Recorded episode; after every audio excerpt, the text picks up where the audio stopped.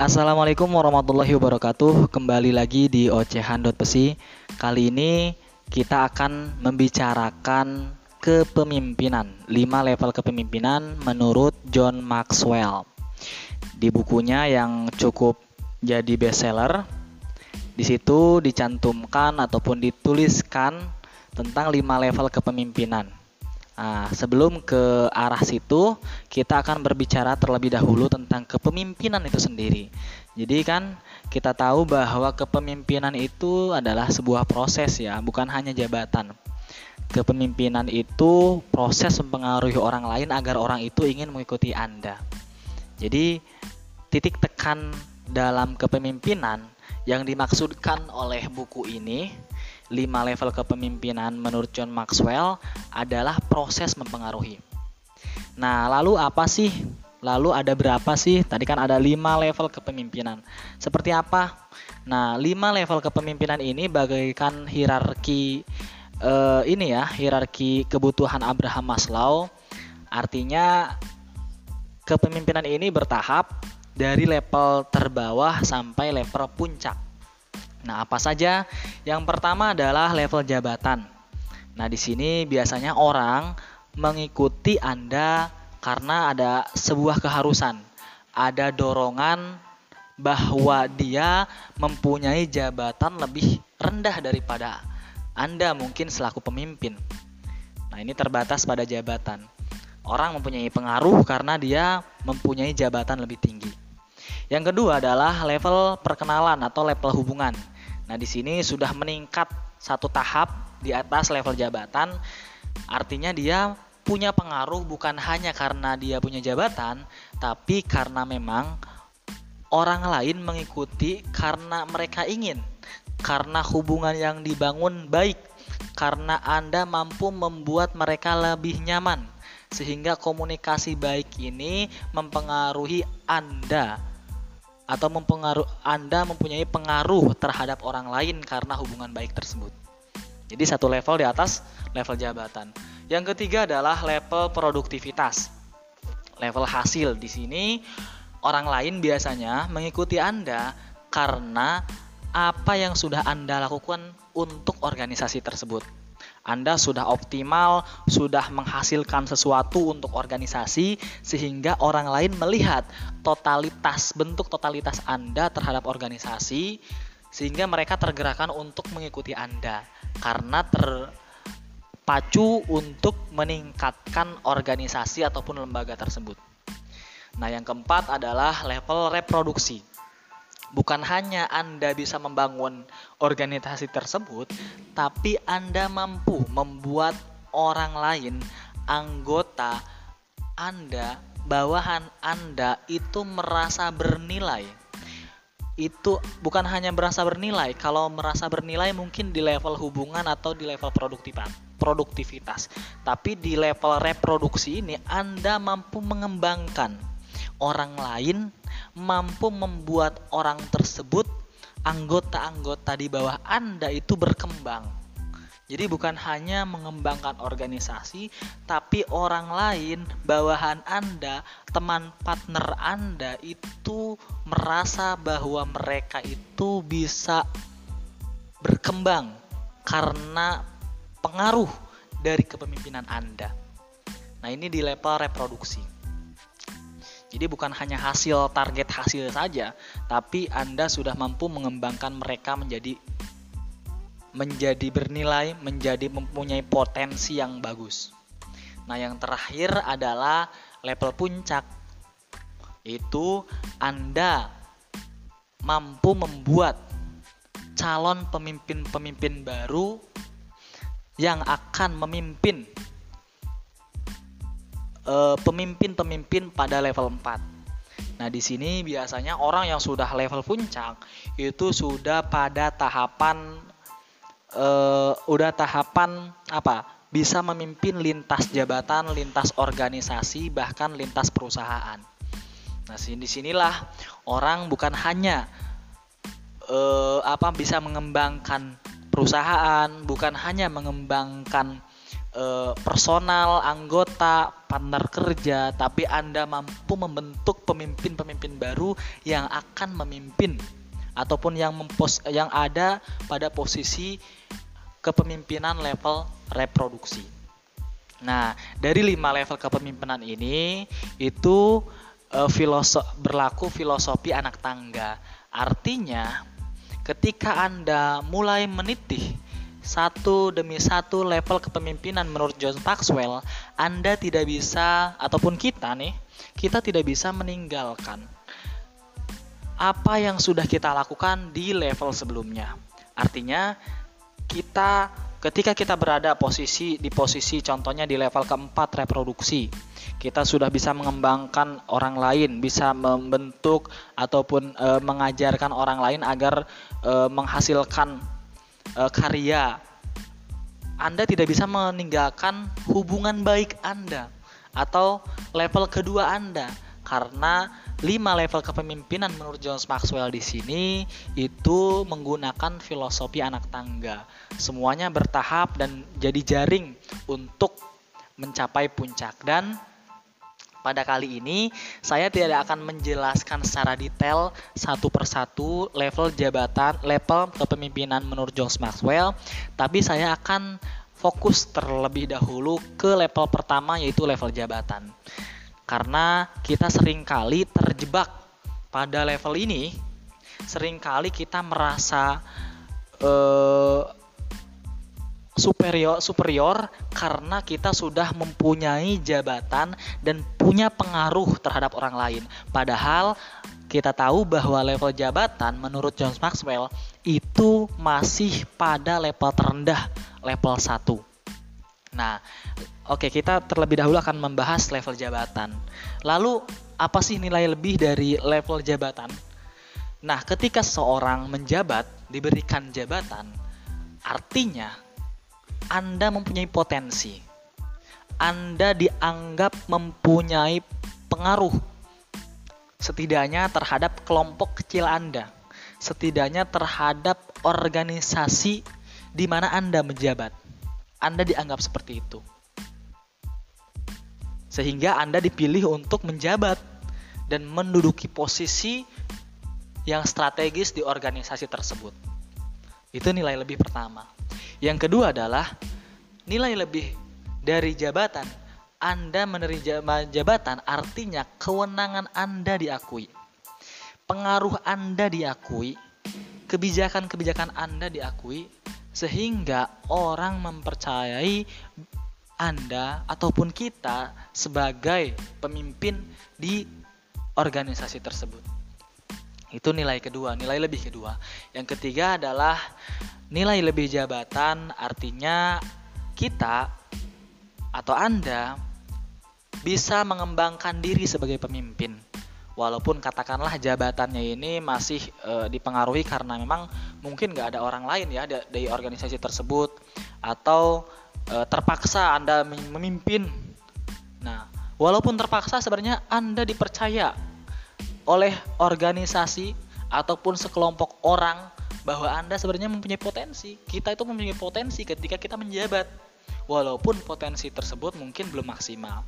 Nah, ketika kita mempunyai jabatan, kita bisa mengembangkan, kita bisa jadikan jabatan ini sebagai tahap ataupun jalan untuk mengembangkan ke mengembangkan kepemimpinan kita sendiri. Kayak gitu. Itu nilai lebih jabatan. Jadi, walaupun nilai apa eh, kepemimpinan level menurut level kepemimpinan John Maxwell eh, level jabatan itu rendah tapi ketika kita mempunyai jabatan dalam satu organisasi, berarti nilai lebih jabatan yang sudah saya sebutkan itu ada pada diri Anda dan harus kita manfaatkan.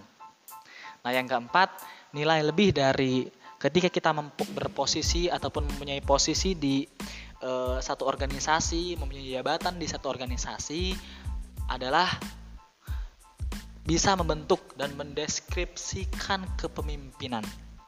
Artinya, Ketika Anda bahwa ketika Anda tidak tahu seperti apa gaya kepemimpinan Anda, maka bukan hanya Anda berada di posisi level terendah saja, jabatan terendah saja. Mungkin Anda bisa uh, mungkin kita bisa mengomentari orang lain di atas kita, mungkin kita bisa mengomentari kebijakan-kebijakan uh, orang di atas kita, pangkat-pangkat yang ada di atas kita, tapi kita tidak akan tahu apabila kita hanya berkomentar saja. Nah, ketika kita mempunyai jabatan tinggi, maka kita bisa mengetahui, mendeskripsikan bagaimana kepemimpinan diri sendiri, kepemimpinan Anda, dan kepemimpinan kita ketika kita mempunyai kesempatan menjabat dalam satu organisasi. Nah, itu mungkin nilai lebih dari ketika kita mempunyai pengaruh karena punya jabatan. Jadi tidak semua karena jabatan kita uh, apa ya tidak tidak punya kesempatan untuk mengembangkan kepemimpinan tapi justru ini menjadi tahap awal ketika kita ingin meningkatkan uh, kepemimpinan kita walaupun kadang ya dalam satu perpolitikan uh, di lingkungan kita jabatan itu tidak menentukan kadang jabatan itu hanya menjadi wasilah saja dan orang yang mayoritas yang akan menjadi ataupun yang menduduki jabatan tersebut. Sedangkan orang yang mempunyai, memang mempunyai kepemimpinan itu tidak punya kesempatan. Nah, tapi e, di balik negat apa hal negatif tersebut nilai positif dari jabatan tadi yang sudah saya sebutkan empat hal yang bisa kita lakukan ketika kita mempunyai jabatan. Nah, lalu apa sih nilai negatif dari level jabatan? Apabila kita terkukung dan terpaku terhadap e, level jabatan ini, dan merasa puas dengan level jabatan ini, maka sering kali kita menyesatkan orang lain. Kita me, apa ada istilahnya kalau di kepemimpinan itu adalah abuse of power, penyalahgunaan jabatan.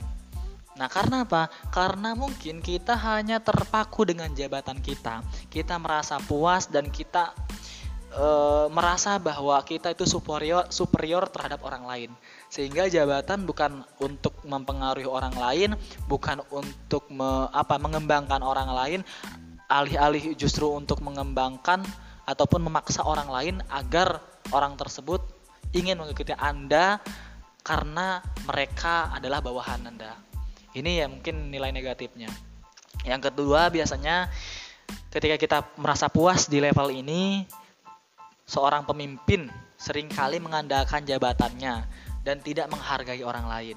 Nah, ini karena bersifat belum ada terbangun komunikasi, koneksi, hubungan baik sehingga biasanya hanya satu arah saja. E, pengaruhnya itu hanya satu arah saja. Karena apa? Anda menggunakan jabatan saja. Kita hanya menggunakan jabatan saja. Ketika hanya e, terpaku terpaku terhadap level jabatan ini level kepemimpinan di jabatan ini. Nah, yang ketiga adalah nilai negatif dari level ini, nilai jabat e, adalah e, sering kali kita mengandalkan jabatan berdasarkan atau mengandalkan jabatan untuk membentuk peraturan-peraturan. Nah, inilah lagi-lagi karena memang e, satu arah sehingga kita hanya mengandalkan jabatan dan justru menggunakan jabatan itu untuk membuat peraturan sehingga memaksa orang lain untuk mengikuti kita. Nah, selanjutnya nilai negatif dari jabatan adalah menuntut hak daripada tanggung jawab. Hak, hak, hak, hak terus, tapi tanggung jawab pribadi itu dilupakan. Tanggung jawab seorang atasan terhadap bawahan itu dilupakan. Tanggung jawab seorang atasan untuk menggaji kadang dilupakan juga tanggung jawab seorang atasan untuk lebih perhatian terhadap orang lain itu dilupakan sehingga tidak terbangun e, kesejahteraan atau well-being di e, anggota ataupun karyawan-karyawan Anda karena Anda terfokus pada tadi lagi-lagi dari jabatan. Nah, yang kelima adalah pemimpin yang mengandalkan jabatan sering kali kesepian. Karena apa? Tadi hubungan baik belum terbangun, hubungan e, positif belum terbangun sehingga orang lain berkomunikasi dengan kita selaku pemimpin karena jabatan hanya terbatas pada waktu dan tempat di mana kita menjabat. Nah, jadi di mana kita menjabat, maka di situlah kita punya pengaruh. Selebihnya ketika di luar waktu, di luar tempat di mana kita menjabat, maka kita tidak punya kendali terhadap orang lain sehingga kita sering kali merasa kesepian. Nah, selanjutnya nilai negatif dari pemim, eh, pada level ini, level jabatan ini adalah pemimpin yang mengandalkan jabatan akan dicap dan dibiarkan terdampar. Ini efek dari kita hanya mengandalkan sehingga mengandalkan jabatan sehingga orang lain hanya terbatas melakukan kewajiban-kewajiban yang sesuai dengan SOP eh, perusahaan, SOP organisasi. Jadi tidak ada toleransi untuk eh, hal-hal ataupun perbuatan baik di luar SOP tersebut. Nah, yang ketujuh adalah banyak sekali anggota tim dari pemimpin yang mengandalkan jabatan mengundurkan diri. Karena apa? Karena seri, uh, kita tahu ya bahwa di organisasi itu tidak tidak tidak satu arah. Uh, karyawan, anggota organisasi itu perlu apa? Di, dihargai, perlu diterima, perlu didengarkan sehingga tidak bisa mengandalkan uh, pengaruh berdasarkan jabatan yang notabene ataupun dominan itu satu arah. Nah, yang kedelapan atau yang terakhir adalah nilai negatif dari jabatan itu adalah pemimpin yang mengandalkan jabatan menerima sisa-sisa bukan yang terbaik dari orang-orang mereka. Nah, sehingga maksudnya gimana? Seringkali performa dari anggota, performa dari e, karyawan ataupun bawahan kita ataupun partner kerja kita itu sering kali adalah tenaga sisa, bukan hasil ataupun e, prioritas mereka bukan hasil dari kerja keras mereka karena kita, mereka merasa bahwa e, ya ini adalah e, kewajiban saya, SOP saya terbatas pada ini, pada ini, pada ini sehingga nggak perlu kita melakukan hal-hal yang lebih dari itu. Toh e, apa namanya tuh pemimpinnya pun tidak mempunyai kelekatan ataupun attachment dengan e, karyawan ataupun anggotanya. Nah, ini mungkin hal-hal yang negatif dari jabatan sehingga perlu namanya meningkatkan level jabatan ke level kedua yaitu level apa tadi? perkenalan ya. Ya, perkenalan atau hubungan atau syukur-syukur nanti kita akan bahas e, level e, hal yang negatif, hal positif dari level-level selanjutnya. Tapi pada kali kesempatan kali ini saya cukupkan terlebih dahulu Eh, pemba apa pembahasan di level jabatan. Sehingga kita aware bahwa jabatan itu positif kita bisa gunakan kita bisa mengukur kepemimpinan kita dengan uh, pada posisi jabatan ketika kita memegang jabatan tertentu tapi kita tidak boleh merasa puas di level itu. Karena pengaruh Anda itu terbatas di mana dan kapan Anda menjabat Mungkin itu saja yang bisa saya sampaikan kali ini. Next uh, episode ataupun next pembicaraan kita akan bahas uh, level kepemimpinan yang lain yaitu perkenalan atau hubungan, produktivitas, reproduksi dan terakhir puncak. Thank you so much. Wassalamualaikum warahmatullahi wabarakatuh.